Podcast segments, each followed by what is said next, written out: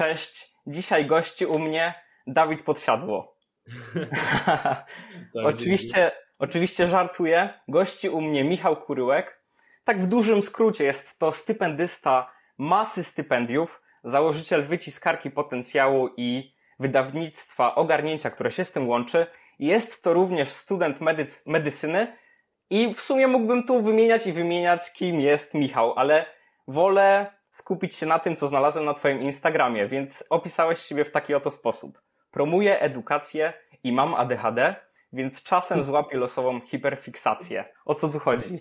E, no tak, myślałem sobie, że to żeby trochę tak wprowadzić potencjalnego odbiorcę w to, co robię, to rzeczywiście y, to jest trochę to, co, to, co można u mnie znaleźć. Czyli mam ADHD, tak, to prawda, i właśnie w związku z tym się gdzieś czasami znajduję, znajduję różne pasje i hobby, które, e, które się podejmuję i porzucam w paru miesiącach, e, a z drugiej strony coś, coś co mi się udało do tej pory nie porzucić, to właśnie to, to promowanie edukacji, jakieś stypendia i tak dalej, bo to mnie rzeczywiście za, zajarało do tego stopnia, że, że udało mi się trzymać przy tym i gdzieś tam właśnie rozwijać to, więc, więc tak, no trochę całą swoją działalność w necie skupiam wokół tego. Spoko, a czy dużo ludzi mówi, że jesteś podobny do Dawida Podsiadło, czy nie trafiony ten żart? To już jest taki rolling joke, że, że, że mnie nie dziwi. Raz byłem na koncercie Dawida właśnie, i on miał wtedy właśnie takie dłuższe włosy jeszcze właśnie i ten i wąsik też i ja też miałem wąsiki długie włosy, jak teraz mniej więcej e, i właśnie też tam trochę wprowadzałem za, zamieszania. O, ciekawie. Tak. Dobra, ale jesteśmy tu dzisiaj, żeby pogadać na różne tematy i pierwszy temat, który bardzo mnie zainteresował to Kuba. Więc przeglądam sobie TikToka i patrzę, a tam jakiś TikTok ze sklepu w Kubie E, gość sobie wchodzi na nielegalu do sklepu, nagrywa puste półki, więc mega się zdziwiłem, obejrzałem do końca i okazało się, że byłeś to ty. Więc mógłbyś coś opowiedzieć w ogóle, dlaczego pojechałeś na Kubę? E, zawsze mnie Kuba mega fascynowała.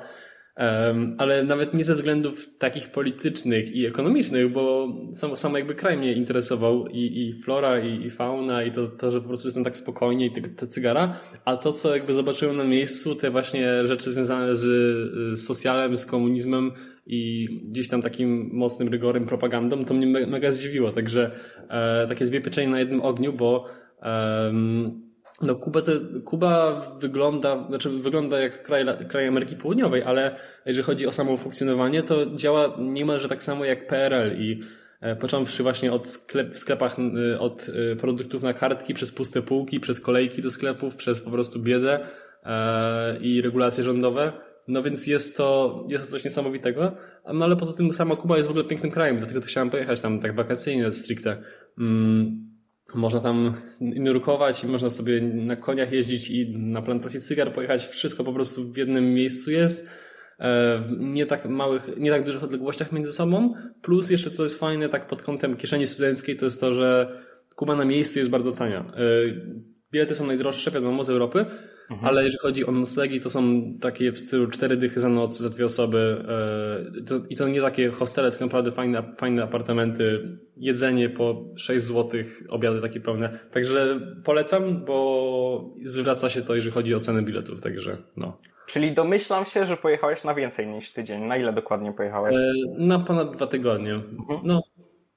A czy spodziewał, właśnie, bo mówiłeś, że jechałeś głównie w innym celu niż poznanie tego socjalu, socjalizmu od środka, więc nie spodziewałeś się tego, co zastałeś, czy jednak i tak się spodziewałeś? E, coś tam czytałem, e, wiedziałem, że jakby jakiś ustrój, ale nie sądziłem, że to jest aż tak. E, przez to, że nie ma sklepów, nie wiedziałem, że to funkcjonuje do tego stopnia. Myślałem, że to działa na zasadzie, że po prostu jest mało sklepów i po prostu jest mało, mało spożywczaków, a nie, że po prostu nie ma fizycznie sklepów w całym, w całym państwie. Co, albo to, że po prostu bankomaty nie działają, po prostu nie możesz wziąć nigdzie, jak, jak skończą ci się pieniądze, które przyniosłeś z, od siebie z Polski, to po prostu nie masz pieniędzy i nie masz, nie masz jak ich zdobyć. Nie możesz ich wypłacić, nie możesz ich, skąd, nie ma żadnego sposobu, żeby się zdobył. Co jest przerażające poniekąd. Bo czy turyści tam operują w dolarach, czy tam jest jakaś inna waluta? Mm, to jest bardzo ciekawe, bo generalnie mm, Kuba ma swoje pesos, to jest waluta kubańska, mm, ale y, kubański rząd wprowadza sobie od czasu do czasu nowe waluty. E, na przykład dwa lata temu, czy tam parę lat temu i dwa lata temu skasował coś takiego, co się nazywało CUC, CUC, I to była jakaś nowa waluta eksperymentalna. Zaczęli ją stosować, po czym nagle ją wycofali. I teraz przez covid wprowadzili kolejną walutę, która nazywa się e, MLC i to jest waluta, waluta tylko internetowa. Nie ma jakby papierowej wersji, nie ma fizycznej wersji, jest tylko w internecie, jakby na karcie. Ale nie można ją płacić nigdzie na mieście, można ją płacić tylko w rządowych sklepach, czyli tych sklepach spożywczych, takich, gdzie możesz kupić właśnie produkty takie. I to jest jakby okej, to już samo w sobie dosyć dziwne, że masz walutę, którą nie możesz płacić nigdzie indziej, tylko w sklepach rządowych, bo to nie jest tak, że nie ma miejsc, gdzie możesz wyda wydać pieniądze. Są restauracje, są, nie wiem, no nawet czynsz mm, i wynajem mieszkania, ale to, co jest najdziwniejsze w tym wszystkim, to jest dodatkowo to, że żeby kupić walutę MLC, nawet jak jesteś Kubańczykiem, to musisz ją kupić przez euro. Nie możesz jej kupić przez pesos. Więc jak, więc jak zarabiasz w pesos, to musisz sobie pesos zamienić na euro, dopiero potem euro zamienić na MLC i dopiero wtedy sobie możesz kupić jedzenie. I... No. Czyli no. oni tam operują czterema, czterema walutami? Euro, dolar, pesos i jeszcze ta nowa waluta elektryczna ML, MLC, tak? Tak. Z dolarem, y, dolarem też, aczkolwiek ze względu na to embargo amerykańskie na Kubę, to tam e, dolar jest mniej popularny, bo na, dolaru, na dolarze jest podatek. E, A to ciekawe. A ty jaką walutą się posługiwałeś głównie? E, no euro, euro, e, bo też w ogóle ludzie wolą euro, dlatego że Kubańczycy po prostu jako, że muszą tak czy euro zdobyć w pewnym momencie, a to nie jest takie właśnie proste, to wolą dostawać pieniądze w euro, e, paradoksalnie. Wolą europejską walutę niż swoją własną, bo, bo rząd też woli europejską walutę niż ich, niż ich własną. Także no to jest niesamowicie, niesamowicie ciekawe w tym wszystkim. Ja się domyślam, że już nawet obywatele nie ufają rządowi i, w każdej, skoro w każdej chwili może wymyślić coś nowego, no to wiadomo, że wolą coś stabilnego jak euro. No i ta sprawa z tą walutą elektryczną, e -e elektroniczną, nie elektryczną, to wydaje mi się, że to jest pewien sposób kontroli e, mhm. obywateli. Tak mi coś, się to zdaje. Zdecydowanie tak, zdecydowanie jakby mm, znacznie łatwiej kontrolować coś, jak coś jest scentralizowane. E, no dodatkowo kwestia tych kartek, że te, że te wszystkie jedzenie jest mm, dys, jakby rozdystrybuowywane tak centralnie właśnie do, do ludzi, e, żeby każdy miał mniej więcej porówno. I w sumie, no, no w ogóle Kuba jakby ma jeszcze dużo, dużo innych takich dziwacznych e, regulacji. Jeszcze parę miesięcy temu, z tego co wiem, nie można było mieć swojej działalności gospodarczej. Tak samo jak kiedyś w Polsce za PRL nie można było mieć swojej firmy i wszystko było e, publiczne. Tak dopiero teraz, dopiero, dopiero parę miesięcy temu na Kubie zaczę, zaczęto, e, zaczę, zaczęła być możliwość, żeby prowadzić taką prawdziwą działalność gospodarczą. I, I no, wcześniej przed tym można było prowadzić trzy rodzaje działalności. Można było prowadzić taksówki, restauracje i wynajem mieszkań.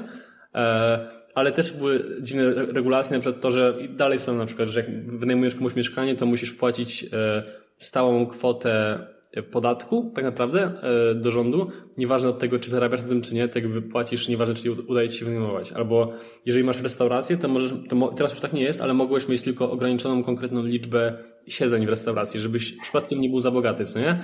E, jak taksówkę to też mm, z góry narzucone kwoty i nie możesz w ogóle nic innego proponować, mm, takie minimalne kwoty. Jak jesteś rolnikiem, to chyba tam 80%, coś takiego, e, całe, wszystkich plonów zabiera ci rząd, znaczy zabiera, daje ci po prostu w zamian kwotę jakąś pieniędzy, ale ona jest bardzo, bardzo, bardzo zaniżona i mhm. te pozostałe 20% jest dla ciebie, tak? I tymi tym pozostałym 20% możesz handlować, tak, gdzieś tam dla rodziny swojej, no ale właśnie większość plonów twoich jest zabierana przez rząd. Um, grubo jest. No jest grubo, nie chciałbym tam mieszkać personalnie, ale skoro mówisz, że już zaczynają wprowadzać jakieś nowe formy prowadzenia działalności, to jednak idą w dobrą stronę, mam wrażenie. Czy zauważyłeś tam jakieś takie zalążek kapitalizmu? Mhm. Tak, zdecydowanie właśnie jest, yy, idą w tą stronę, żeby troszeczkę się bardziej otwierać e, gospodarczo. Tak, tak. No na przykład właśnie kwestia, kwestia nawet możliwości posiadania mieszkania, że tego też kiedyś nie było, że nie mogłeś mieć swojego mieszkania, tak samo jak w PRL nie można było mieć. Teraz już normalnie możesz, też możesz normalnie kupić mieszkanie. Mm, tak samo możesz mieć samochód, e, też tego nie było. E, kiedyś było tak na Kubie, że jeżeli chciałeś mieć mieszkanie, znaczy dostawałeś mieszkanie od rządu, ale jeżeli chciałeś się przenieść gdzieś, to nie mogłeś sprzedać tego mieszkania i kupić gdzieś indziej, tylko mogłeś się z kimś zamienić. Czyli mhm. jak chciałeś się prowadzić na drugi koniec Kuby, to musiałeś znaleźć kogoś na drugi koniec Kuby, kto chciałby zamieszkać w miejscu, gdzie ty mieszkasz, co nie? I się zamieniać się mieszkaniami. I Klik to był jedyny, jedyny możliwy sposób, żeby się przeprowadzić gdzieś. E, co w ogóle jest jakieś jaja.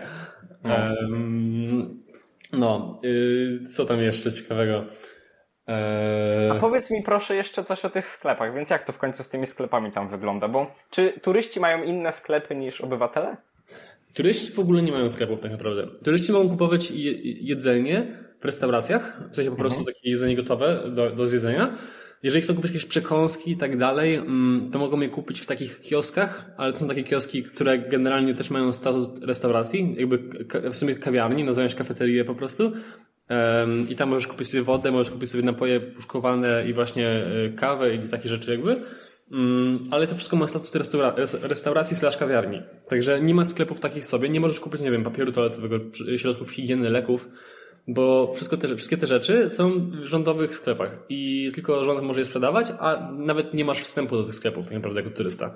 I nawet jakbyś miał, jakbyś miał wstęp, to nie masz jak zapłacić w tych sklepach, bo nie masz tych, tego MLC, tej waluty ich. Mhm. Także dlatego trzeba właśnie tak mm, przygotowanym tam jechać ze swoimi lekami, ze swoimi euro, e, odpowiednio dużą ilością.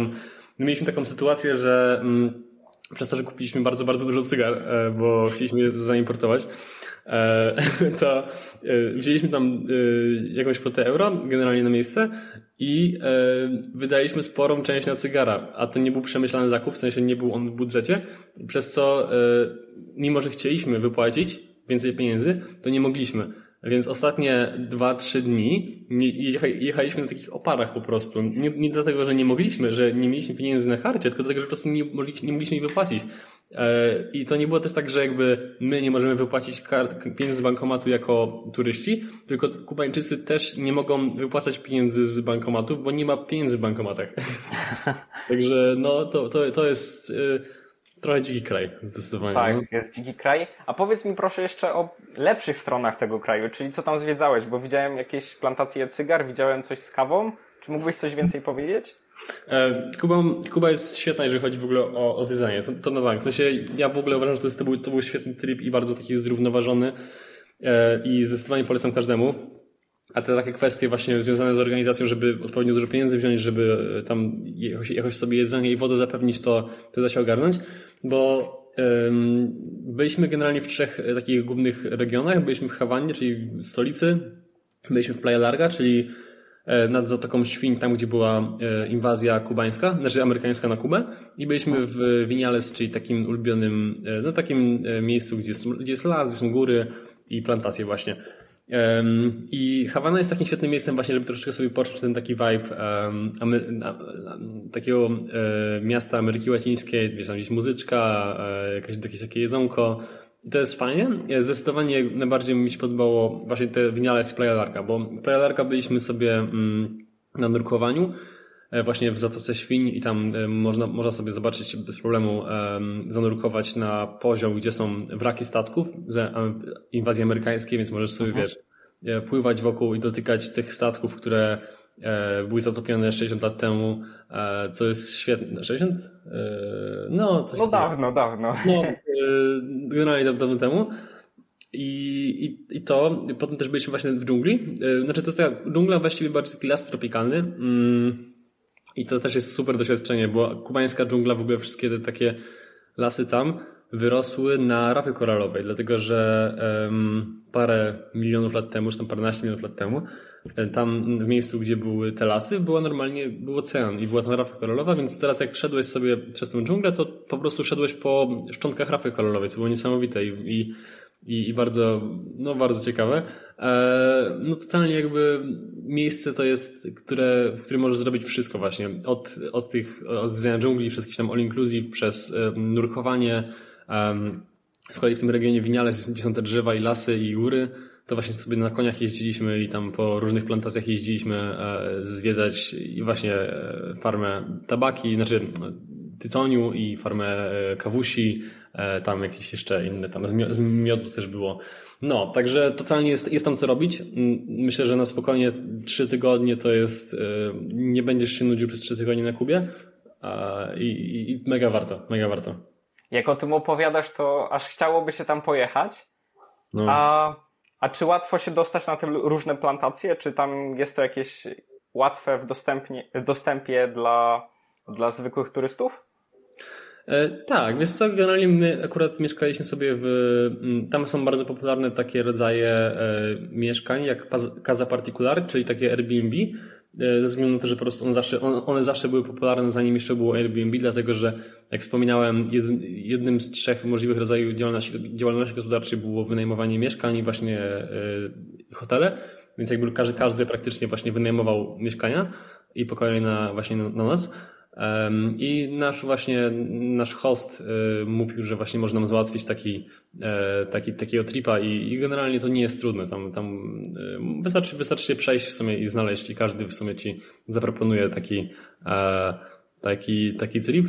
Też w ogóle y, w Hawanie to najbardziej widać. Każdy tam, idziesz przez miasto i każdy krzyczy do ciebie, bo widać, że jesteś turystą, że jesteś z Europy i każdy krzyczy te same trzy słowa, trzy, trzy takie frazy głównie. Pierwsze to jest tam money, money change, co nie? Bo, bo im też zależy właśnie na tym, żeby te euro dostać, bo oni też to euro potrzebują.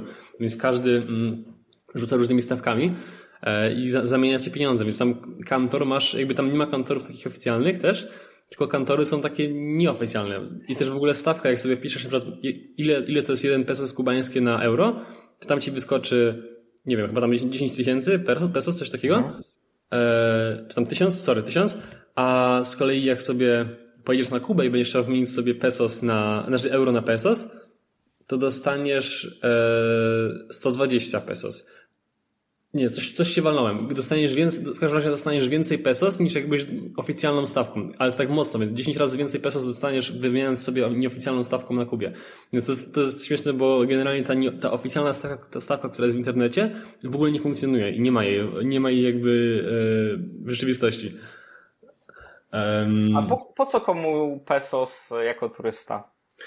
E, wiesz co, jak kupujesz sobie gdzieś tam na przykład jakieś jedzenie na mieście, czy, czy, czy w tych restauracjach, to oni tam przyjmują pesos. E, jak się okazało, przyjmują też euro. E, nie wiedzieliśmy o tym na początku, więc woleliśmy sobie wymienić. I też Yy, no, wydaje mi się, że wydaje mi się, że najlepiej jak tam, jak tam siedzieć, to, to, sobie, to sobie wymienić połowę, połowę euro na pesos, a połowę euro sobie zostawić. Tak myślę, że jest najlepiej. To jest przydatna rada, dobra. No. A czy poleciałeś bezpośrednio z Polski tam na Kubę? E, nie, nie, tam e, my z Frankfurtu mi, leciliśmy, tam mieliśmy, e, tam, tam Kondor leci, tam różne, różne jeszcze inne, no ale w ogóle mieliśmy farta dlatego, że dwa dni po tym jak wróciliśmy z Kuby, to e, rozpoczął się huragan Ian, czyli ten taki największy huragan w historii w ogóle Kuby. E, I on dosłownie się rozpoczął dwa dni w tym miejscu, gdzie byliśmy. Mm, on tam jest w tej skali 5 na 5 w ogóle. E, więc no mieliśmy farta, bo tam parę osób zginęło normalnie. A on był normalnie w Hawanie, był w Winiales, więc w tych wszystkich miejscach, gdzie my, gdzie my byliśmy. Także no, gdyby parę dni, parę dni potem jeszcze byśmy wyjechali, byśmy nie wyjechali, bo byłyby odwołane loty, także mhm. E, a no właśnie jak wspominałem, był problem z kasą, że ciężko tam wypłacić pieniądze. Także no, byłoby to na pewno ciekawe doświadczenie. Co by z nami było wtedy? No, ciekawie by było. To na pewno fart. A powiedz mi, bo poleciałeś z kraju wysoce, e, wysoce rozwiniętego i wylądowałeś w kraju wysoce nisko, nisko rozwiniętym, więc hmm. jakie było twoje pierwsze uczucie, kiedy wylądowałeś i wyszedłeś z samolotu? Wiesz co, y, ja już generalnie, to jest mój trzeci kraj Ameryki Południowej, więc gdzieś tam jakby wiem jak to wygląda, e, ale y, no, pierwsze takie wrażenie to jest na pewno trochę jest mega duszno, bo tam jest, tam jest wilgotność około 80% w porównaniu z Polską 30%, mhm. E, więc wychodzisz i po prostu czujesz jakbyś wchodził do sauny i od razu zaczynasz się pocić, ale po paru dniach to ci przechodzi. No i co? No Hawana jest najbardziej takim brudnym miejscem, bo pozostałe te takie regiony, gdzie są bardziej wiejskie, są czyściutkie, jest naprawdę spokój. Hawana to jest mega syf. Śmierdzi całe miasto. E, jak, jak deszcz pada, to wiesz, po prostu tam cały syf z ulic się zmywa. Gdzieś tam ja prawie dostałem ten obgryzioną kostką z kurczaka w głowę, bo był właśnie deszcz. E, no masakra, masakra. Nie, nie, Hawana nie jest fajnym miejscem do mieszkania na pewno. E, do zobaczenia na parę dni jasne, ale totalnie nie więcej niż tydzień. E, no ale tak, wrażenie było, było na początku takie właśnie, ale z drugiej strony mm, w związku z tym, że to jest komunistyczny kraj, to jest ten jeden plus, że ludzie są niesamowicie życzliwi dla siebie nawzajem, są bardzo pomocni, są, są mało egoistyczni, tacy mało skoncentrowani na siebie, dlatego że wszyscy sobie muszą pomagać. I mieliśmy taką sytuację, że na, to już było przy powrocie akurat, ale um, coś takiego, co byśmy sobie na bank nie, nie miałoby szansy zaistnieć w Polsce na przykład. Mhm. Um, wracaliśmy z Hawany do, na, lotnisko, na lotnisko hawańskie, no i tam zapłaciliśmy 20 euro taksówkarzowi i to było nasze ostatnie 20 euro, które sobie odłożyliśmy, żeby na pewno móc mu zapłacić, dlatego że właśnie nie mieliśmy jak wypłacić pieniędzy. I e, zawiózł nas, wychodzimy, chodzimy sobie do tam szukać gate'ów i się okazuje, że jesteśmy w złym terminalu. I e, termi, terminal drugi, czyli tam, gdzie mieliśmy mieć odlot, e, był tam chyba 10, 10 kilometrów dalej. A my mieliśmy wylot za dwie godziny, co nie?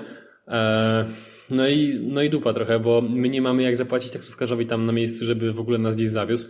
Znaleźliśmy taksówkarza i e, szukałem na lotnisku e, bankomatu, nie było, znaczy nie działał. Potem on nas zawiózł generalnie i powiedziałem mu, że okej, okay, niech, niech poczeka i ja pójdę wypłacić pieniądze. I poszedłem, znaleźć bankomat tam na miejscu, na drugim lotnisku, na drugim terminalu. I też nie było, w sensie też nie działał. I mówię mu, że no, nie mam pieniędzy, w sensie no, mm, mogę ci zapłacić cygarami, tak, że mogę ci dać, dać moje cygara i, e, i się dogadamy, tak. I on tak, on tak w sumie zaczął się tak martwić o nas, że nie zdążymy na, na, ten, na ten lot nasz i powiedział, że nie, już trudno, spoko, nic nie szkodzi, co nie? I e, więc wiesz, taki, jakby sobie porówn, porównał z takim, wiesz, z taką złotówą polską, e, gdzieś tam w Warszawie, która cię ściga za każdego grosza, no nie ma szans, tak? E, żeby coś takiego zaistniało. Więc, więc to jest plus. To jest, tak samo generalnie każdy jest tam bardzo życzliwy, tam nie ma za bardzo w ogóle przestępczości. To jest w ogóle bardzo bezpieczny kraj, jeżeli chodzi o takie rzeczy, wiesz, jak jakieś kradzieże. Mm, na początku tego nie czułem, w sensie jak tam zobaczyłem, że tam jest generalnie syf, taka właśnie taki ewidentny kraj trzeciego świata, to było takie uczucie, że kurde, zaraz ktoś mnie, wiesz, okradnie, ale, ale totalnie nie, ludzie są tam mega, mega życzliwi. Tak, to jest bardzo ciekawa obserwacja. I powiedz mi, czy masz jeszcze jakieś takie rzeczy, które całkowicie różnią Polskę a Kubę? Czy coś jeszcze zauważyłeś? Mm, hmm. E, generalnie tam jest, e, wydaje mi się, że tam generalnie bardzo, bardzo ciężko w ogóle jest podróżować. W sensie tam ONZ w ogóle narzuca na każdy kraj, na Kubę przynajmniej, żeby wydawali 2000 wiz rocznie na całą Kubę. Mhm. To jest generalnie bardzo mało. 2000 na całą Kubę, tak tam jest chyba 13 milionów mieszkańców, jest naprawdę bardzo mało. Ale oni nawet tej minimalnej stawki nie spełniają. Oni wydają około 500 wiz rocznie. Więc oni są bardzo, bardzo niechętni, żeby pozwalać swoim mieszkańcom wyjeżdżać. I, I w związku z tym oni w ogóle po prostu nie wyjeżdżają, nie mają możliwości podróżować, a nawet jakby mogli, to bilety są tak drogie, że no mało, mało kogo na to stać tam.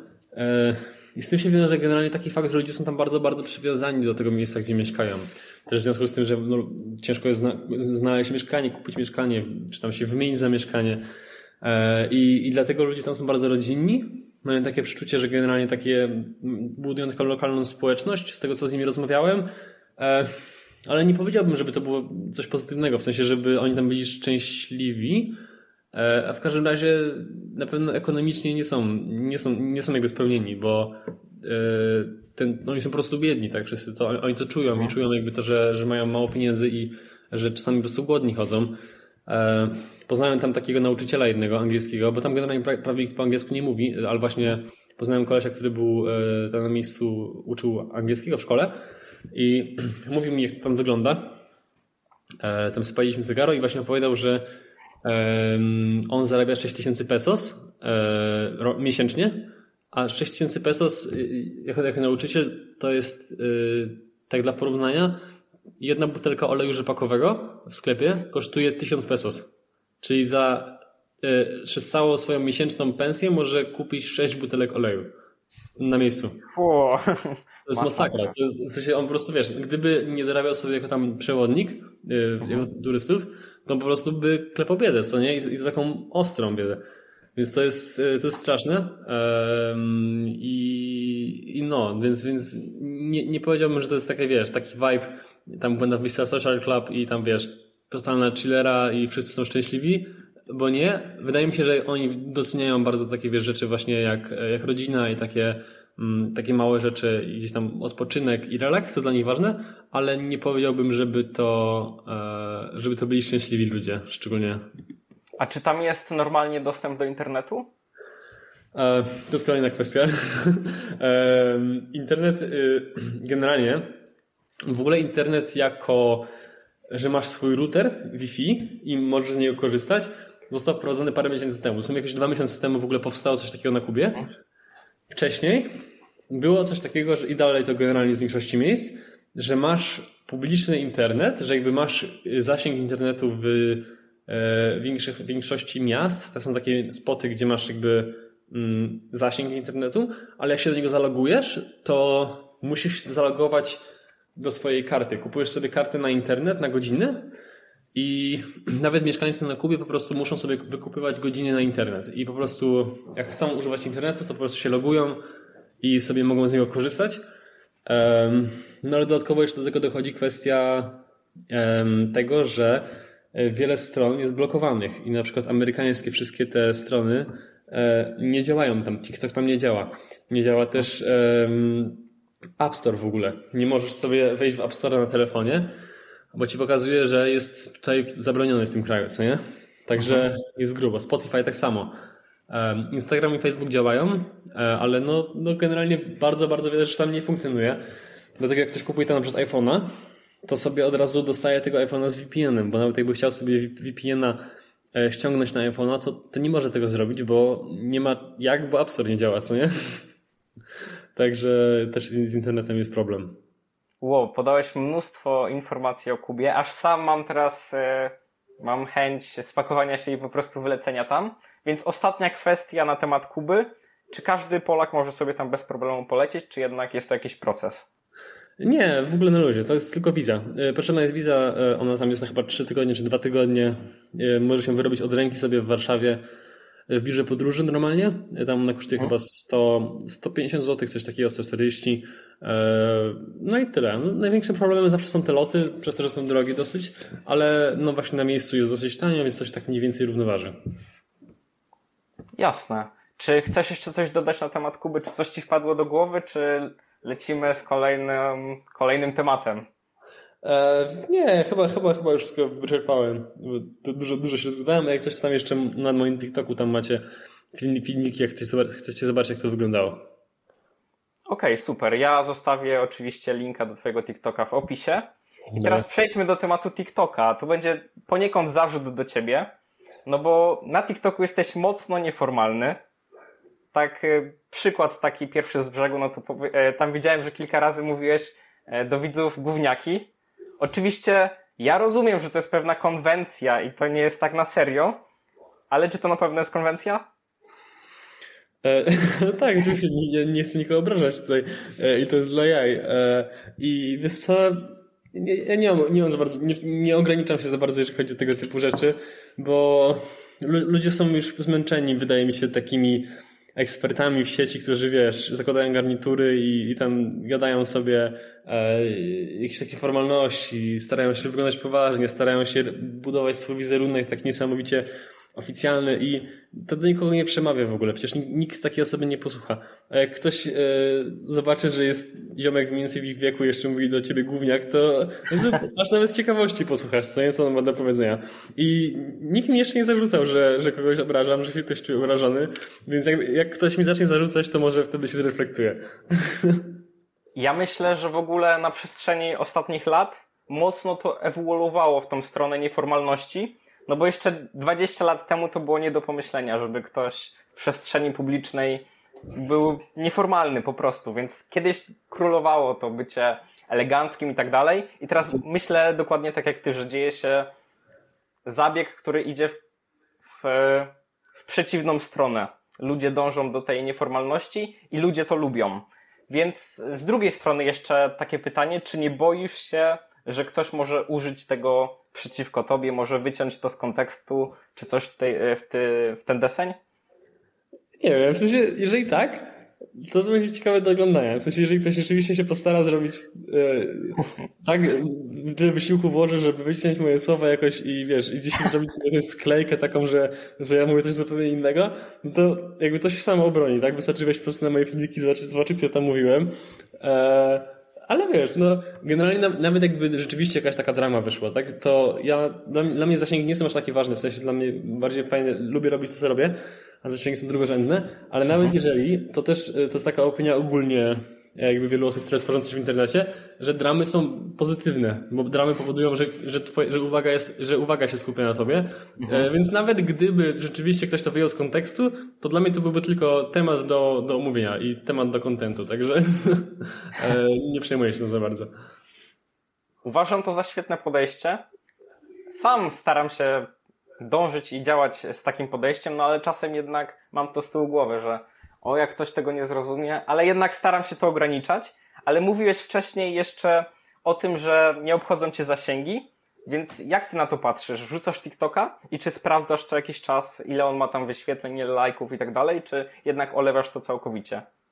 Przyznaję się, że sprawdzam. W sensie to jest takie, no to działa taka adrenalina, wiesz, to taka, no zrobiłem coś, chcę zobaczyć ile tam wyszło, czy, czy, czy więcej, czy mniej. Staram się też troszeczkę robić jakby content tak, żeby on, ten algorytm się wpasowywał, ale, ale nie, nie robię, to, że, to, że nie, nie, nie są dla mnie priorytetowe zasięgi, to mam na myśli to, że nie, nie robię kontentu pod zasięgi, tylko robię content i dopasowuję go tak, żeby się wpasowywał w algorytm, co nie? Mhm. I to jest dla mnie ważne, no bo yy, ważne jest po prostu też jakby to, żeby docierać do większej ilości osób, w sensie, żeby po prostu więcej osób, osób zobaczyło ten content, bo uważam, że jest wartościowy, ale nie jest tak, że robię jakieś takie, wiesz, catchy phrases, które mają po prostu przykuć uwagę, znaczy robię takie, ale nie, nie takie, które są, które są zakłamane, że wiesz, że jakby, że clickbait i, i rzeczywistości mówisz o czymś zupełnie innym, albo właśnie no. gdzieś tam mocno przekrzywiam rzeczywistość, żeby tylko ludzie to oglądali.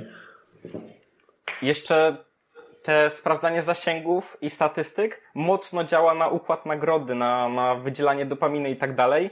I to jest taki mocny temat. Jak ja jeszcze kilka miesięcy temu mocniej działałem na TikToku, nagrywałem kilka TikToków dziennie, to zauważyłem u siebie takie coś, że mocno moje, mój humor, moje samopoczucie zależało od tego, ile było wyświetleń. Mimo, że nie chciałem tego, byłem tego świadomy i starałem się nie patrzeć na te zasięgi, to tak czy siak na mnie to działało.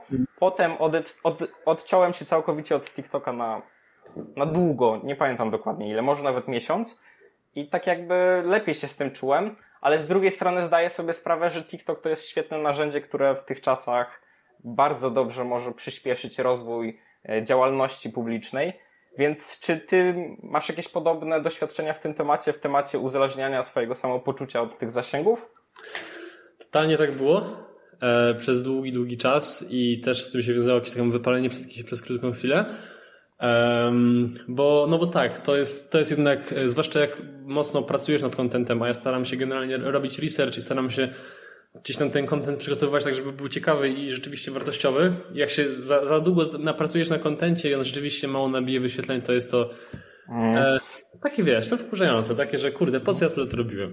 Um, teraz e, generalnie zacząłem troszeczkę się zastanawiać, jakby zacząłem do tego podchodzić w taki sposób, że ważne, żebym robił regularny content i to jest najważniejsze. I to jest normalne, że to jest jakby cecha tej platformy, że czasami content się wybija, czasami nie i to jest normalne. I to jest jakby plus tej platformy, bo dzięki temu jakby w ogóle jakby możesz się rozwijać i to jest cała magia TikToka polega na tym, że właśnie czasami content się wybija, czasami nie. Um, I zacząłem sobie się zastanawiać, dlaczego mi zależy na tych zasięgach i dlaczego właśnie, tak już teraz mówię dla, dla potencjalnego twórcy, który, który to właśnie słucha czy ogląda, że dlaczego, dlaczego ci zależy na zasięgach, na zasięgach? Czy dlatego, żeby właśnie, nie wiem, coś sprzedawać? Jeżeli tak, to w sumie czy wolisz mieć mniej osób, które się oglądają, ale rzeczywiście jakby robisz wartościowy content, który gdzieś tam rzeczywiście ma, e, jest na tyle jakościowy, że ludzie, ludzi może zachęcić do kupna czegoś twojego, czy może na przykład zależy ci na e, współpracach z jakimiś firmami. Jeżeli ci zależy na współpracach z firmami, to z kolei um, po co, to, to z kolei czy nie uważasz, że lepiej zrobić wartościowy content, który firmy uzna, uznają za wartościowy, czy wolisz robić content pod zasięgi, jakiś taki, nie wiem, taki główny content, który po prostu gdzieś tam firmy nie interesuje, ale rzeczywiście ma więcej zasięgów, i mieć po prostu słabe propozycje współprac i być traktowanym jako kolejny influencer, który robi jakiś tam styl w internecie i, i nic takiego ciekawego jest, nie? Więc jak zaczynasz podchodzić do tego w ten sposób, że mm, robisz zasięgi, znaczy, że jakby robisz content i robisz go przede wszystkim dobrej jakości i dobrej jakości content sam się będzie generalnie usprawiedliwiał, sam się będzie jakby bronił, um, to jak będziesz odpowiednio długo to robił i odpowiednio też oczywiście pracował pod ten algorytm, w sensie starał się go robić pod algorytm, pod algorytm poniekąd, mm, to y, w pewnym momencie po prostu będziesz się rozwijał, bo tak to po prostu działa, że, że jak będziesz się trzymał tej swojej niszy, nie będziesz się starał robić kontentu stricte jakby pod zasięgi e, i wiedział dlaczego chcesz w ogóle to robić, dlaczego chcesz mieć zasięgi, to będzie ci e, znacznie łatwiej i trochę ci się uda opanować tę dopaminę. Ja też uważam i zauważyłem, że takie pójście w stronę tanich wyświetleń, tanich zasięgów, że na przykład jest jakiś trend, to robię w tym trendzie, mimo że kompletnie nie łączy się z tym, co robię normalnie na swoim koncie, działa bardzo dobrze w krótkim terminie, no bo nabija ci zasięgi, ale długotrwale niszczy to e, twój profil i podejście algorytmu do tego profilu. Mhm. Że algorytm, algorytm w inny sposób patrzy na twoje konto przez takie zabiegi, więc mimo, że nawet to się wydaje dobre, to nie jest dobre. To prawda, totalnie. Y, bo algorytm pokazuje na początku twój content osobom, które e, są zainteresowane te, twoją tematyką, więc w momencie, mhm. w którym powiedzmy robisz, wstawiasz podróżniczy content, a potem nagle robisz content na temat edukacji, to osoby, które cię oglądały do tej pory zobaczą content edukacyjny, a chciały, a chciały podróżniczy, więc nie polajkują, nie udostępnią dalej i filmik, filmik nie pójdzie viral wtedy. Tak, dokładnie tak. Jeszcze no. a propos tego pracowania nad jakimś filmem więcej niż nad innymi, to ja już kompletnie przestaję to robić, no bo nieraz miałem tak, że pracowałem ciężko, może ciężko pracować nagrywając TikToki to też kwestia dyskusyjna, ale po prostu skupiłem się na jakimś filmu, filmie i potem okazało się, że nie miał dobrych zasięgów, a coś tam, co, co nagrałem chwilę z ręki, miało duże zasięgi i było bardzo popularne, więc od tego czasu również zauważyłem tak, że nie chcę pracować mega nad jednym osobnym film, filmie, nad jednym filmem, a bardziej chcę się skupić na, na byciu regularnym. Mhm. Więc to też podzielam w sumie. Ale dobra, przejdźmy do treści Twoich TikToków. Jest nim jednym z, jednym z głównych fundamentów Twojej działalności jest edukacja domowa. Czy mógłbyś powiedzieć, czym ona jest? Jasne. E, edukacja domowa to jest po prostu e, uczenie się w domu. Nie, nie, chodzisz, nie chodzisz do szkoły takiej stacjonarnej. Jesteś zapisany do takich szkół, które umożliwiają edukację domową i generalnie masz e, egzaminy kwalifikacyjne raz w roku z całego materiału, z całego roku i cały program realizujesz na własną rękę. Nie masz klas, klasówek, nie masz kartkówek, nie masz prac domowych. I ja tak byłem właśnie w liceum i gdzieś tam staram się to promować. A w jaki sposób się w ogóle o tym dowiedziałeś? E, wiesz co, e, ja jeszcze byłem na edukacji domowej w szóstej klasie podstawówki, dlatego że e, gdzieś tam w sumie znajomi. Ja generalnie się wywodzę z protestanckiej e, rodziny. Teraz, nie, teraz jestem agnostykiem, ale jakby gdzieś tam w tym środowisku protestanckim bardzo popularny jest homeschooling z jakiegoś powodu, w sensie edukacja domowa. Więc gdzieś tam dużo moich znajomych było na tym, więc e, było to dla mnie takim naturalnym wyborem, że to jest zawsze opcja. E, dlatego takie właśnie było to, i też moi rodzice o tym wiedzieli przez to, więc nie było to, że takie wiesz, obce. Mhm. No bo z mojej perspektywy, to szczerze ci powiem, że dowiedziałem się o tym dopiero jak skończyłem liceum, więc żałowałem, jednak po chwili sobie zdałem sprawę, nie ma co żałować. Stało się, co się stało, pewnie tak miało być, ale też słyszałem niejednokrotnie, że edukacja domowa to cały rok laby i uczenie się na ostatni tydzień do tych egzaminów końcowych i tyle. Jak, jak to wygląda w praktyce? E, w sensie, jeżeli chcesz tak robić, to możesz oczywiście. W sensie, bo ideą edukacji domowej jest to, że masz dużo wolności. I możesz z tą wolnością zrobić co chcesz, tak jak w dorosłym życiu. Nikt ci nie każe pracować więcej, nikt ci nie każe się rozwijać. Jeżeli nie chcesz się rozwijać w życiu, to nie musisz tego robić w sumie. E, ale właśnie w edukacji domowej polega, chodzi o to, że rzeczywiście masz mało obowiązków szkolnych, ale y, chodzi o to, że właśnie ten czas wolny możesz poświęcić na rozwój, nie wiem, w sporcie, w sztuce, w jakiejś, nie wiem, rzeczach związane z, z pracą normalnie zarobkową, z firmą, z biznesem.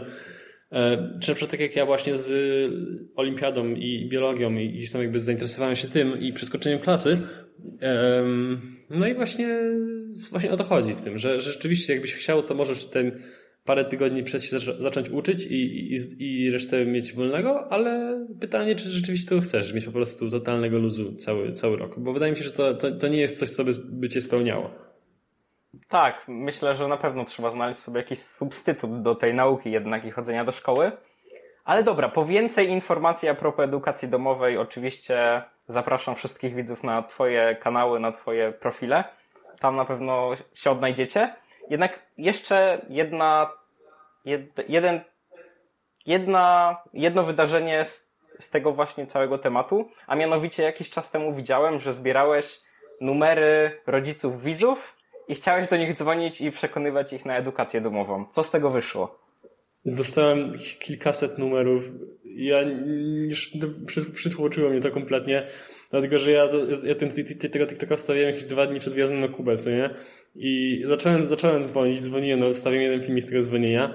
Mhm. E, potem już nie chciałem wstawiać, bo stwierdziłem, że to może się komuś się podobać, że ja wstawiam te filmiki z dzwonienia, do, do, no bo jednak to jest y, czyjaś prywatna sprawa.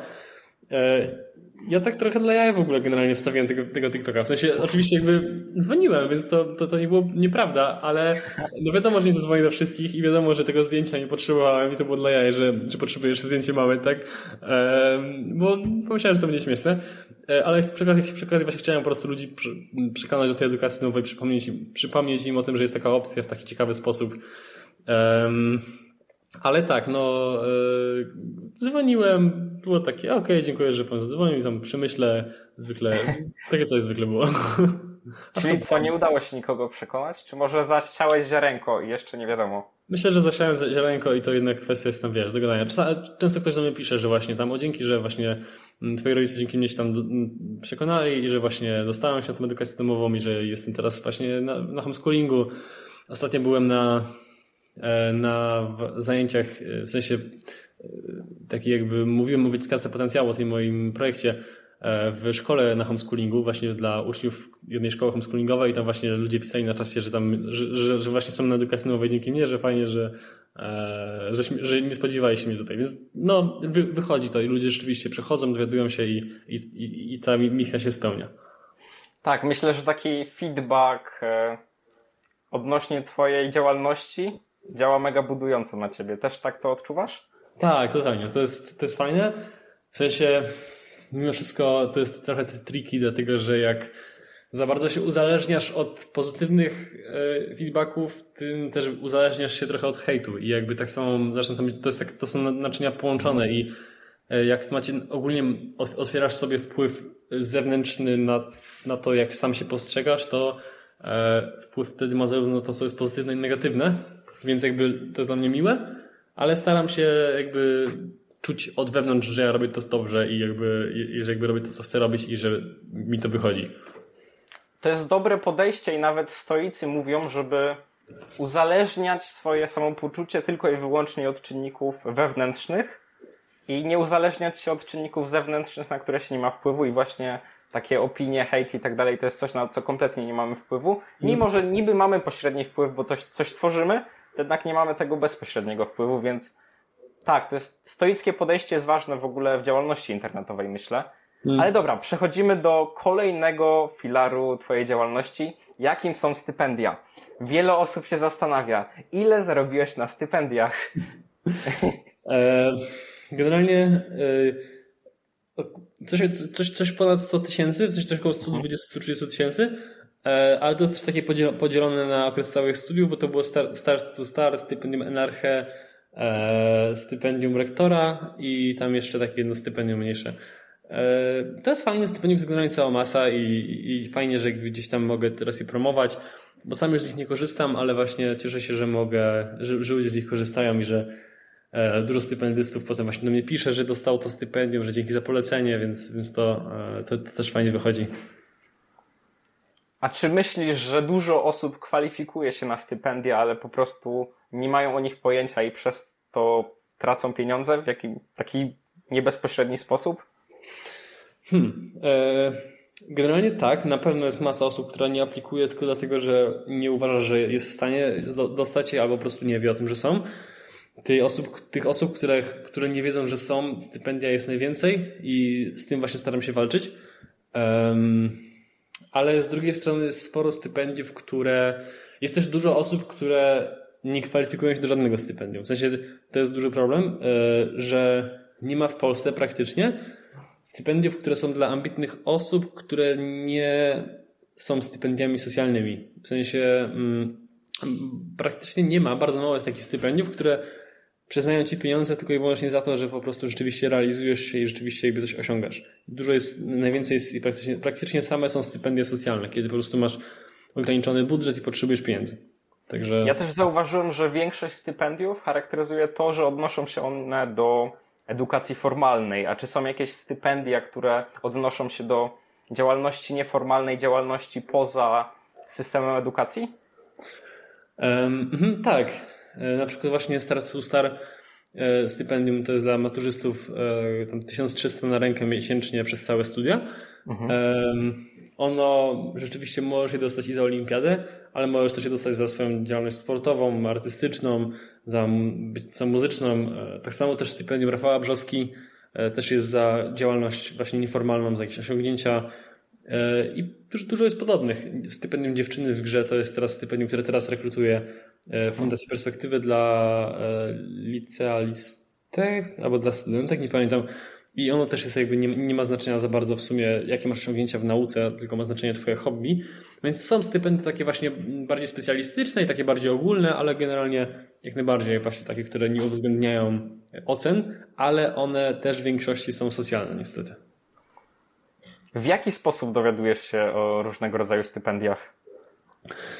Na początku robiłem po prostu dużo research, siedziałem w necie, szukałem na różnych stronach. E, teraz w sumie albo same fundacje do mnie piszą, mhm. E, albo właśnie gdzieś tam dalej robię research, albo właśnie gdzieś tam ludzie na naszej grupie na Facebooku wrzucają, bo tam mamy na fejsie taką grupę wyciskacze potencjału, tam jest 15 300 osób e, i tam każdy wrzuca co chwilę jakiś stypendium, jakiś program, więc też sam tam biorę. A, a czy te różne fundacje i tak dalej płacą ci za udostępnianie dalej ich oferty? Nie, nie, w ogóle nie wymagam tego. W sensie to jest takie, że, że oni, oni, one wiedzą, że ja, że, ja, że ja coś robię, takiego w internecie piszę, że jest takie stypendium, ja powiem, że jasne, nie ma sprawy, już, już udostępniam. I, I to działa na takiej po prostu pomocy, bo te fundacje często nie mają budżet, budżetu na marketing i ja też tego nie oczekuję, bo to są po prostu fundacje non-profit więc jak najbardziej e, nie, nie chcę tutaj nic oczekiwać od nich, e, jeżeli chodzi o kasę. To ja nie mam kompletnie pomysłu, w jaki sposób może zarabiać wyciskarka, poten wyciskarka potencjału, czy ona w ogóle zarabia, czy jest to bardziej właśnie taka działalność non-profit? Nie, to jest stricte działalność non-profit. Tutaj w ogóle nie ma żadnego modelu biznes biznesowego i raczej nie będzie jeżeli już jakby jakiejś takiej mojej działalności zarobkowej, to mówimy to tylko w kwestii tego wydawnictwa, ogarnięcia, to tam rzeczywiście to jest stricte biznesowa, ale wyciskarka totalnie działamy za darmo i nic z tego nie ma. I nawet teraz właśnie, co jest bardzo fajne, wystartowaliśmy z informatorem stypendialnym, to jest taki newsletter na Messengerze, który, e, dzięki któremu może dostawać co tydzień sobie właśnie aktualne stypendia i co, każdy poniedziałek wysyłamy je. I żeby się w ogóle, jakby ktoś chciał, to mo, można się do niego zapisać w taki sposób, że się na fejsie wyszukuje wyciskarka potencjału i na, na Messengera, na, wchodzi się na Messengera, wyślij wiadomość do wyciskarka potencjału, tam jest taki przycisk informator stypendialny. A jeżeli nie ma, to wystarczy, że napiszecie na czacie informator stypendialny, naciśnięcie, naciśnięcie przycisk i tam będziecie dostawać co tydzień te stypendia. Okej, okay, ale pewnie stworzenie takiego czegoś wymaga pracy, więc co, ci ludzie pracują e, z wolnej woli jako chęć pomocy, czy, czy ty ich jakoś wynagradzasz? E, nie, z wolnej woli. To tutaj jakby każdy raczej działa pro bono. Ja normalnie nawet dopłacam wręcz za działalność wyciskarki, w sensie ja płacę za tego, e, za ten taki program do robienia wysyłania newsletterów, tam parę dziesiąt dolarów miesięcznie E, żeby móc wysłać ten, ten, ten, informator stypendialny. I ja nic z tego nie mam, nikt mi, nie, nie mam żadnych sponsorów, po prostu ze swojej kasy z kieszeni to wykładam, bo uważam, że to jest fajne i, i jakby widzę też, że ludziom to pomaga. Też ten informator stypendialny jest stworzony z jeszcze e, trzema innymi dziewczynami, z Pauliną, z Emilią i z Marysią. One też się właśnie znają na różnych swoich działkach i, i robią ten non-profit po prostu jakby same albo napisały, że chciałyby jakoś pomóc, albo właśnie ja, ja tam gdzieś się wyhaczyłem, że są, są zaangażowane na grupie i, i się zgodziły, także bardzo fajnie. Czy jakby ktoś chciał pomóc, to co, mógłby w jakiś sposób ci pomóc, odezwać się do ciebie i też zacząć coś działać w tym temacie? E, tak, jasne. Myślę, myślę, że zawsze coś się znajdzie, e, bo mamy generalnie ambasadorów wyciskarki potencjału, e, 150, e, którzy przekazują informacje o stypendiach w swoich szkołach, e, bo każdy jest ambasador, to jest jedna szkoła. Ale teraz będzie jakoś wkrótce nowa edycja e, programu ambasadorskiego. Będzie na trochę innych zasadach niż do tej pory, ale to jeszcze będzie, będę ogłaszał. Ale jak najbardziej, jeżeli ktoś jest zainteresowany, to może po prostu śledzić fanpage wyciskarki. Jasne. I tak sobie myślę, że większość Twoich działalności publicznych jednak krąży wokół tej edukacji formalnej. Czy Ty w nią wierzysz? Hmm. Eee, krąży, ale wydaje mi się, że głównie krąży w celu ominięcia jej. W sensie, e, żeby jak, jak najbardziej sobie to uprościć. E, bo czasami edukacja formalna jest po prostu niezbędna. W sensie, jeżeli coś chce się zrealizować, no nawet po prostu, że chodzi o szkołę, obowiązek szkolny do 18 roku życia, no to tego nie, nie przeskoczysz tego, to jest po prostu prawnie obowiązkowe. E, I są po prostu jakieś różne metody, żeby to przeskoczyć, albo właśnie wykorzystać na swoją korzyść żeby na tym zarobić na przykład na, na tej edukacji, na, na olimpiadach czy na, na czymś innym. I staram się takie rzeczy pokazywać i właśnie gdzieś tam inspirować i pokazywać, że okej, okay, ta edukacja formalna jest, ale spoko są metody na ułatwienie sobie tego, na wykorzystanie tego w swoich celach, na jakieś właśnie rozwijanie jeszcze się poza tym.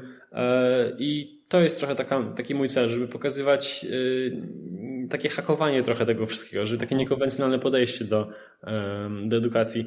Edukacja nieformalna jest super ważna, i też z tych dużo kursów, tam jakichś tam kursów czy programów, wymian młodzieży też tam e, udostępniam, więc ogólnie chyba wydaje mi się, że edukacja to jest taki, taki główny core mojej działalności.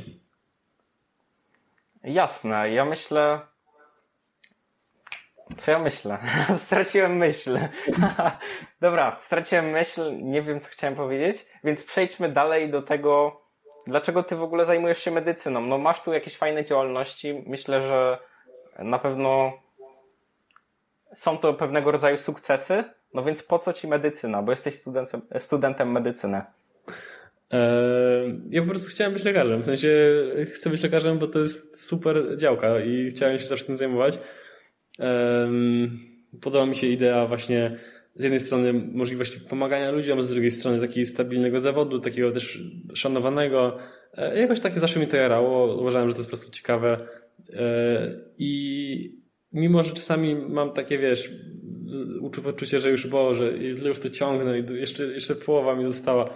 Ale to jest normalne, każdy tak ma i mimo wszystko wydaje mi się, że cieszę się, że nie zrezygnowałem z tego, bo to jest zawsze plan B, jakiś tam plan awaryjny, taki bezpieczny, ale z drugiej strony też nie jest tak, że ja, to, że ja się do tego przymuszam, żeby mieć plan awaryjny, tylko to jest też coś takiego, co jest rzeczywiście fajne, ciekawe, dużo się uczę, dużo, dużo się dowiaduję i te, te zajęcia są naprawdę fajne. Wiesz, my teraz y, te pierwsze trzy lata studiów medycyny są rzeczywiście takie czysto, czysto teoretyczne, ale na przykład teraz to my mamy tylko w szpitalu zajęcia. Dzisiaj mieliśmy trzy godziny w szpitalu i tyle. I tak mamy codziennie przez cały rok, że na ósmą mamy do szpitala, do dwunastej kończymy szpital i, mhm. i potem już mamy luz, więc, więc jest to bardzo fajne.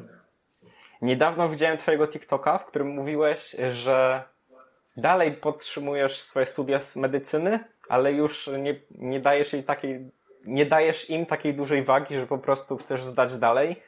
I czy to nie jest pewnego rodzaju wypalenie?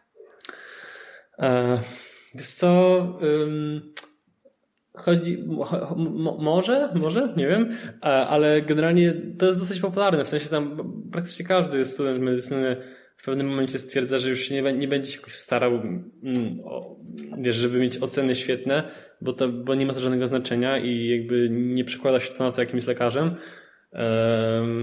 I jakby celem jest po prostu bycie lekarzem i jakby potem zdobywanie tej, tej, tego doświadczenia i umiejętności gdzieś tam na, na specjalizacji, na specjalizacji. Ale nie powiedziałbym, że to jest wypalenie. Powiedziałbym bardziej, że to jest takie e, ciągnięcie tego, bo chcę być rzeczywiście lekarzem, Wydaje mi się, że jakbym był wypalony, to bym nie czuł tego, że nie, nie czułbym, że rzeczywiście chcę nim być, a chcę być, e, tylko że po prostu y, staram się zoptymalizować sobie czas poświęcony na naukę. Może w ten sposób. A czy myślałeś, czy już zdecydowałeś e, o specjalizacji?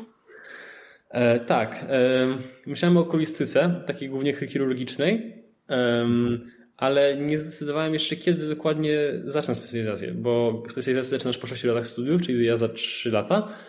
Um, ale myślę sobie, żeby zrobić sobie przerwę parę lat, e, żeby tak sobie trochę, wiesz, odsapnąć, popodróżować i, i gdzieś tam ten. Ale okulistyka totalnie. Jasne, myślę, że na pewno jakiś relaks jest wskazany, no bo myśląc o przeciętnym studencie medycyny, myślę o kimś, kto zajmuje się tylko tym, nie ma żadnych zajęć pobocznych i głównie skupia się na medycynie. Jednak ty działasz non-profit, masz wydawnictwo, tu jakieś stypendia, tu jakiś Forbes się nawet znalazł, więc powiedz mi, jak ty znajdujesz czas na to wszystko? E, wiesz co, e, na początku po prostu zapieprzałem e, i jakby nie miałem czasu wolnego. Teraz e, nauczyłem się trochę zarządzać lepiej czasem swoim, bo przez to całe ADHD jakby miałem problem z zarządzaniem czasem i trochę mi ten czas przelatywał między palcami. I teraz dużo rzeczy jakby sobie automatyzuję. Na przykład, nie wiem, miałem teraz, jeżeli chodzi o wydawnictwo, to miałem taką, taki, taką kwestię, że musiałem raz w miesiącu wystawiać faktury, co nie? I musiałem tam mhm. wystawiać, nie wiem, no paręset faktur miesięcznie, każdą, każdą fakturę musiałem wystawiać oddzielnie e, i po prostu masakra, co ja muszę to po prostu robić, odklikać, klikać, jedna faktura to jest mniej więcej dwie minuty pracy, no więc no masakra, tak? Cały dzień siedzę, potem kolejny dzień znowu siedzę i siedzę i siedzę i mógłbym tak siedzieć, ale stwierdziłem, że kurde, no to jest mega strata czasu. Mógłbym, do, mógłbym jakąś sekretarkę mieć od tego, ale z drugiej strony po co, jeżeli to jest taki prosty w sumie do zautomatyzowania proces, więc zadzwoniłem do mojego kuzyna, dzisiaj do niego pojechałem i, i zapłaciłem mu i on po prostu zaprogramował mi program na taki customowy do tego, żeby mi te faktury automatycznie się regenerowały. I to jest fajnie. I ja, do tego tak podchodzę w ogóle do wszystkiego, że e, po pierwsze, nic, nic, komputery się nie zawiodą raczej. W sensie, jak, jak sobie coś zaprogramujesz, to już generalnie bardzo mała szansa, że będzie jakiś tam błąd. E, I jak coś możesz zautomatyzować, to to rób. I właśnie mm, tak podchodzę do, do w sumie większości rzeczy, które robię, do, do informatora. Informa, informator stypendialny to jest dla mnie dwie godziny pracy dzień, miesięcznie, tygodniowo jeżeli chodzi o wydawnictwo, to też e, większość jakby maili i tak dalej, to mamy w postaci template'ów, więc jakby to wszystko jest takie bardzo szybkie, proste. Mam konkretny jakby schemat działania, więc to wszystko jest takie dosyć płynne. No i też jakby wydawnictwo samo w sobie jest zautomatyzowane. Samo, cała obsługa klienta, wysyłka tych wszystkich produktów, mm, wszystko jest jakby, wszystko idzie automatycznie. E, więc tak naprawdę muszę, muszę nad tym siedzieć może dwa dni w miesiącu, a, a poza, tym, poza tym to, to, to, to samo się kręci i cały pozostały czas, jeżeli na niego spędzam, na to wydawnictwo, to jest kwestia rozwoju tego biznesu, jakieś tam pozyskiwanie nowych autorów i tak dalej. Także to jest taka właśnie kwestia work, work smart, not hard, myślę, e, głównie. Tak, działasz już poniekąd jak, e, jak firma pewna, pewna topowa firma, na przykład Amazon optymalizuje i automatyzuje większość rzeczy. Ja sam na przykład robię sobie ryż z kurczakiem, jakimiś tam warzywami i robię mega pakę na cały tydzień i potem sobie tak. odgrzewam, więc też staram się automatyzować, to jest ważne, ale czy to jest jedyna rzecz, jaką, jaką podejmujesz w temacie optymalizacji czasu? Czy może masz jakieś sposoby zarządzania na przykład? Um, mam takie e, segmenty w ciągu dnia, sobie ustalam, jakby co kiedy, na co kiedy poświęcam czas. E, jeżeli chodzi o nagrywanie TikToków, to jest taka kwestia, że generalnie o ile ciężko jest mi się zebrać, żeby nagrać TikToka pierwszego, o tyle potem jak już nagram pierwszego TikToka, to potem nagle mam vibe, żeby nagrać kilka jeszcze kolejnych. Więc stwierdziłem, że mhm. sobie będę nagrywał TikToki raz w tygodniu, na cały tydzień i, yy, i po prostu tyle, co nie? I że jakby nie będę codziennie nagrywał TikToków, tylko będę robił to raz w tygodniu. I tak sobie mniej więcej właśnie dzielę na segmenty tak cały tydzień, że w niedzielę robię informator plus wydawnictwo, w sobotę mam wolne i tak dalej, i tak dalej. Tak sobie po prostu robię, dzielę sobie czas y, na naukę, dzielę sobie czas na, na rozwój biznesu i tak dalej. To jest świetne podejście, ale czy to cię nie męczy? Takie no bo mówisz, że nagrasz jednego TikToka, zaraz chcesz nagrać kolejnego, ale jednak jak już masz nagrać sześć TikToków, to jednak to jest już męczące takie, żeby sześć kreatywnych zadań wykonać jedno po drugim. Um, Wiesz co, yy, nie dlatego, że ja mam tak, że w niedzielę sobie ustalam yy, jakby plan yy, tych TikToków, a w poniedziałki nagrywam, więc jakby ta część kreatywna jest już zrobiona w niedzielę, a w poniedziałki jest sama realizacja tego. Także to jest też takie właśnie wszystko zautomatyzowane, że tak powiem. Okej. Okay masz nazwę zainspirowany i w tym momencie mnie zainspirowałeś. Sam spróbuję coś takiego wprowadzić, bo to jest dobre rozwiązanie nie tylko pod optymalizację i oszczędzanie czasu, a także, żeby odciąć się od tego sprawdzania statystyk, od tego konsumowania tego TikToka. No bo jak e, tworzysz treści, to, to też będziesz niestety konsumował je, a mhm. jednak próbuję to ograniczyć, więc spróbuję też to zastosować albo coś podobnego wymyśleć, więc dzięki. Spokojnie. I kolejny temat, który sobie zapisałem, to to, czy tu, czujesz się sławny. Nie, w sensie, znaczy, dobra, pół godziny temu byłem w metrze i koleś poprosił o zdjęcie, e, dosłownie.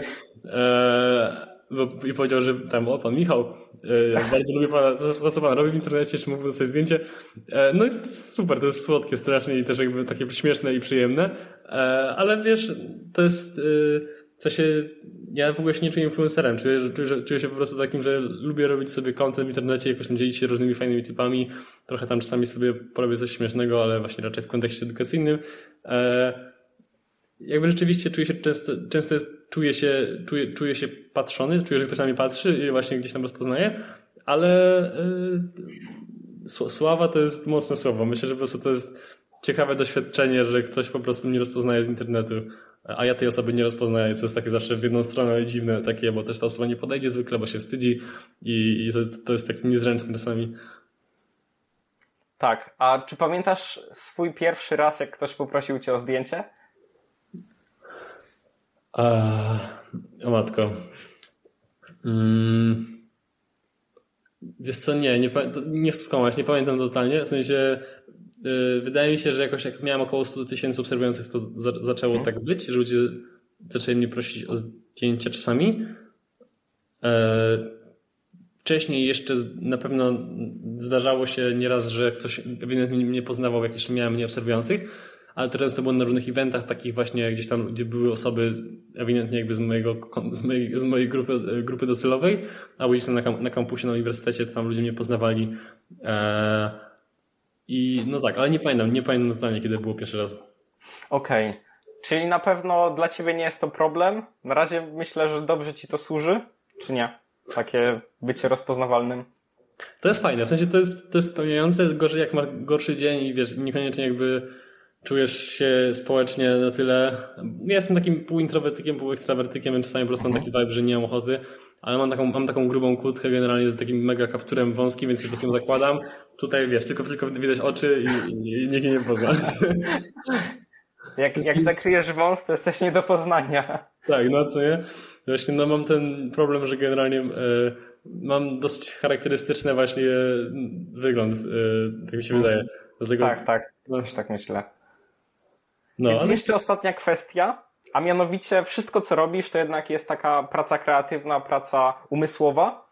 Więc jak znajdujesz e, tą równowagę w tej pracy? Czy, czy trenujesz coś, czy uprawiasz jakiś sport? E, biegałem maratony, potem się przerzuciłem na triatlony, mhm. a potem się, potem to porzuciłem. Mhm. e, w sensie jakoś tak, no tak ADHD typowe, nie? Że właśnie tam po, po roku działania, po, po, tam ćwiartka Ironmana, potem tam połówka Ironmana miała być i jakby gdzieś tam to na razie porzuciłem, mimo że chciałem do tego wrócić. E, potem zacząłem po prostu biegać siłownie, e, a teraz się zapisuję na boks. Jutro mam pierwsze, pierwsze zajęcia z boksu. O. E, stwierdziłem, że siłownia nie do końca mi pasuje, bo ciężko jest mi się zmotywować do tego, dlatego że mogę po prostu iść kiedy chcę i jakby nikt mnie nie pilnuje. A ja mhm. trochę potrzebuję tego, żeby gdzieś tam mieć presję albo środowiska, żeby ktoś, żeby każdy coś inny ćwiczył i jakby widzę, że wszyscy robimy to samo, to się po prostu czuję, że bardziej staram, więc y, takie zajęcia właśnie grupowe są e, lepsze, myślę, dla mnie. Tak, ja sam to zauważyłem. Trenowałem kickboxing przez chwilę, potem Muay Thai i wcześniej jeszcze trenowałem długo siłownię. I przede wszystkim, co ja zauważyłem, to jest ta rywalizacja pomiędzy ludźmi. No bo idziesz tam, macie jeden trening, robicie na przykład 20 pompek, trener tam jedzie ostro i ty się nie zastanawiasz, czy jesteś zmęczony, czy już odpuścić, tylko patrzysz, czy inni robią mm. i chcesz y, albo im, ich do, im dorównać, albo jeszcze więcej niż oni zrobić. Więc tak. to jest taka fajna męska rywalizacja. To na pewno jest świetne ogólnie w sportach walki. I tak samo jest z tą dyscypliną. Jednak jak ktoś nad tobą stoi, ktoś ci mówi zrób 10 tego, 20 tego, to też jest inaczej jak idziesz na siłownię i próbujesz coś tam trenować. Więc to również jest spoko. Jak najbardziej polecam ci właśnie sztuki walki i, i zobaczysz co to sztuki walki dopiero po pierwszym sparingu. Can't wait. A, a już nie, nie ćwiczysz już tego Muay Thai ani kickboxingu? Znaczy, przeprowadziłem się teraz, e, wyjechałem na Erasmusa, jestem w Hiszpanii i tutaj A. bardziej łapię się różnych rzeczy, coś tam próbuję. Przedwczoraj trenowa- e, próbowałem surfing na przykład, więc teraz się tu bawię trochę, ale jak wrócę, to na pewno wracam do jakichś sportów walki, bo to jest świetna sprawa. Kurczę. Więc polecam zdecydowanie. A co studiujesz? Tak ja studiuję business management. Okej, okay. a na, gdzie, gdzie, e, na, na jakim uniwersytecie? kierunek nie, że chcę coś tam działać, po prostu robię jakiś kierunek, ale planuję jak wrócę już działać w biznesie mocniej. Taki jest mój plan. Super, super. No. No to trzymam kciuki, bo rozumiem, Dzięki. że teraz na, wracasz gdzieś tam w, na styczeń, luty, nie? Tak, dokładnie tak. tak. Mhm. Więc może na jakiś sparring się nawet złapiemy. No kurde, wiesz co, teraz to mam tak y, słabą kondycję, że ten, muszę, muszę poćwiczyć, ale no zapraszam. No. Ale jeszcze jeden temat, który mnie interesuje, no bo poruszasz często temat ADHD. Dużo osób słysząc ADHD myśli od razu o jakichś małych dzieciach, które ciągle biegają, skaczą i tak dalej, ale domyślam się, że ADHD niekoniecznie chodzi tu o aktywność ruchową, a bardziej o sposób myślenia. Jak to wygląda? Jaka jest w ogóle definicja ADHD? Mm, takiej definicji to ci nie podam, ale mogę ci powiedzieć, jak to u mnie wygląda. Um, że generalnie masz po prostu ciąg takiej myśli, które co chwilę ci się zmieniają, co chwilę natrafiasz na jakieś nowe wątki i generalnie porzucasz coś, co robiłeś przed chwilą, żeby zrobić coś innego, a potem jeszcze tą kolejną myśl znowu porzucasz, żeby zrobić coś jeszcze innego, e, przez co w sumie zapominasz o tej pierwszej i wszystkie trzy ostatecznie są nieskończone. E, no to jest, to jest taki szereg różnych ciekawych, takich właśnie zachowań, które są, mają swoje plusy, mają swoje minusy, bo jeżeli chodzi o plusy, na przykład to, to jest to, że jesteś bardziej spontaniczny, jesteś troszeczkę bardziej właśnie taki luźny, um, bardziej kreatywny. W sumie tak się mówi, że, że osoby z ADHD mają większą kreatywność i takie myślenie out of the box. Um, ale tak, ma też swoje minusy. Właśnie to, że się rozpraszasz, to, że troszeczkę ciężej jest się skupić, to, że potrzebujesz y, nowych bodźców cały czas, potrzebujesz gdzieś tam się stymulować i jak generalnie się nudzisz, w sensie jak, jak coś jest y, dosyć właśnie takie monotonne, to po prostu niesamowicie się nudzisz i wręcz się frustrujesz i, i czujesz bardzo tak, taką dużą chęć robienia czegoś i wstania i wyjścia. E, więc ma to takie swoje plusy, ma to swoje minusy. Ja to całkiem lubię w sumie. E, gdzieś tam się do tego przyzwyczaiłem. Teraz jak e, o tym zacząłeś mówić, to sam zaczynam myśleć, czy ja może mam ADHD. To jest tak jak z czytaniem objawów w tak, Google. Tak. Nawet A czy u ciebie, u ciebie to jest diagnozowane w jakiś sposób? Tak, tak, normalnie miałem test. To jest taki test, nazywa się DIMA, taki formularz. To jest y, bardzo taki w sumie prosty formularz. Um, są normalnie leki na ADHD. Y, ja brałem Medikinet, czyli metylofenidat. I już nie biorę, bo teraz biorę inne leki, ale, ale też w jakiś sposób one pomagają w, w tym takim właśnie skupieniu się. A czy to bardziej działa na przestrzeni minut, czy może na przestrzeni tygodni, że masz jakiś projekt, działasz ostro nad nim i się przenosisz na coś innego? Czy to jest bardziej tak na przestrzeni minut? E, trochę i to i to, wiesz. E, zwykle osoby, które mają ADHD, jak spytasz osoby z ADHD, jaką mają, jakie mają hobby, albo czym się interesują, to powiedzą ci, że wszystkim się interesują, że jakby mają masę różnych hobby i, i raz się przerzucają pomiędzy, pomiędzy. Ja też tak mam właśnie, że jakby E, raz się zainteresuję, nie wiem, rzeźbieniem w drewnie, a potem po paru tygodniach stwierdzę, że jednak szyciem, a potem znowu wrócę do drewna i potem jeszcze do grania na perkusji. E, I, ale też z drugiej strony właśnie siedzisz sobie, nie wiem, i pracujesz, ale potem nagle przypominasz sobie, że miałeś, miałeś wysłać maila, a potem sobie patrzę, wchodzisz na maila i widzisz maila nowego od kogoś, wchodzisz w niego, potem ta osoba mówi ci, że czemu nie zrobiłeś tego, tam jeszcze czegoś i zaczynasz to robić i tak wiesz, tak po prostu y, z, nie kończysz żadnego tasku i po prostu lecisz, lecisz, lecisz, lecisz i, i gdzieś tam jakby zapominasz o tym, co miałeś zrobić. Także myślę, że i na przestrzeni minut, i na przestrzeni właśnie gdzieś tam lat i tygodni. No to w tym momencie nachodzi mi jedyna myśl, że muszę zrobić ten test Dima i się dowiedzieć, bo ja też tak mam, że jak ktoś mnie pyta, E, czym się pasjonuję, jakie jest moje hobby, to na, ja najchętniej bym odpowiedział, że jestem generalistą, czyli interesuję się wszystkim po trochu, więc e, może mam ADHD, no nie wiem. No tak. Właśnie nie jesteś skomać, patrzę, czy... A, co, Diva, Diva, nie Dima. Diva, okej. Okay. Hmm? Diva, zapisuję sobie. Spoko. Dobra, i dotarliśmy do końca. Myślę, że nie wyczerpaliśmy wszystkich tematów, ale na pewno dużo powiedzieliśmy na każdy temat. Czy chciałbyś jeszcze coś dodać? Eee, cóż, no chyba nie. Jak ktoś chce, chce sobie tam zobaczyć e, jakichś stypendiach, to tam do tego informatora stypendialnego zapraszam, albo na mojego TikToka. E, I co? Dzięki za zaproszenie bardzo. E, bardzo miło. Fa bardzo fajnie się rozmawiało. Myślę, że bardzo udany podcast wyszedł. Tak, ja też Ci oczywiście dziękuję za pojawienie się. W sumie napisałem do Ciebie i się umówiliśmy momentalnie, bez żadnych problemów, więc super. I oczywiście wszystkie linki do Michała zostawiam w opisie. Także możecie tam zaglądać i dawać lajki Michałowi. Więc to tyle. Dzięki za oglądanie. Jeszcze na koniec szybkie info dla widzów. Więc ten podcast znajduje się na czterech platformach. YouTube, Rumble, tutaj będzie z wideo i dalej mamy Spotify i Apple Podcast. Tutaj już bez wideo, ale z lepszym audio. Więc do wyboru, do koloru, kto jak chce, niech słucha. I napiszcie mi jeszcze, co mogę poprawić w całym podcaście, co mogę zrobić lepiej, jakie błędy popełniłem tutaj, może coś źle zadałem pytanie, może coś źle powiedziałem, chętnie przeczytam i po prostu spróbuję to przeanalizować. Więc dzięki, przyczyniacie się do rozwoju mojego podcastu właśnie w ten sposób. I tyle. Więc dzięki Michał, dzięki widzowie za oglądanie i do zobaczenia. Dzięki bardzo.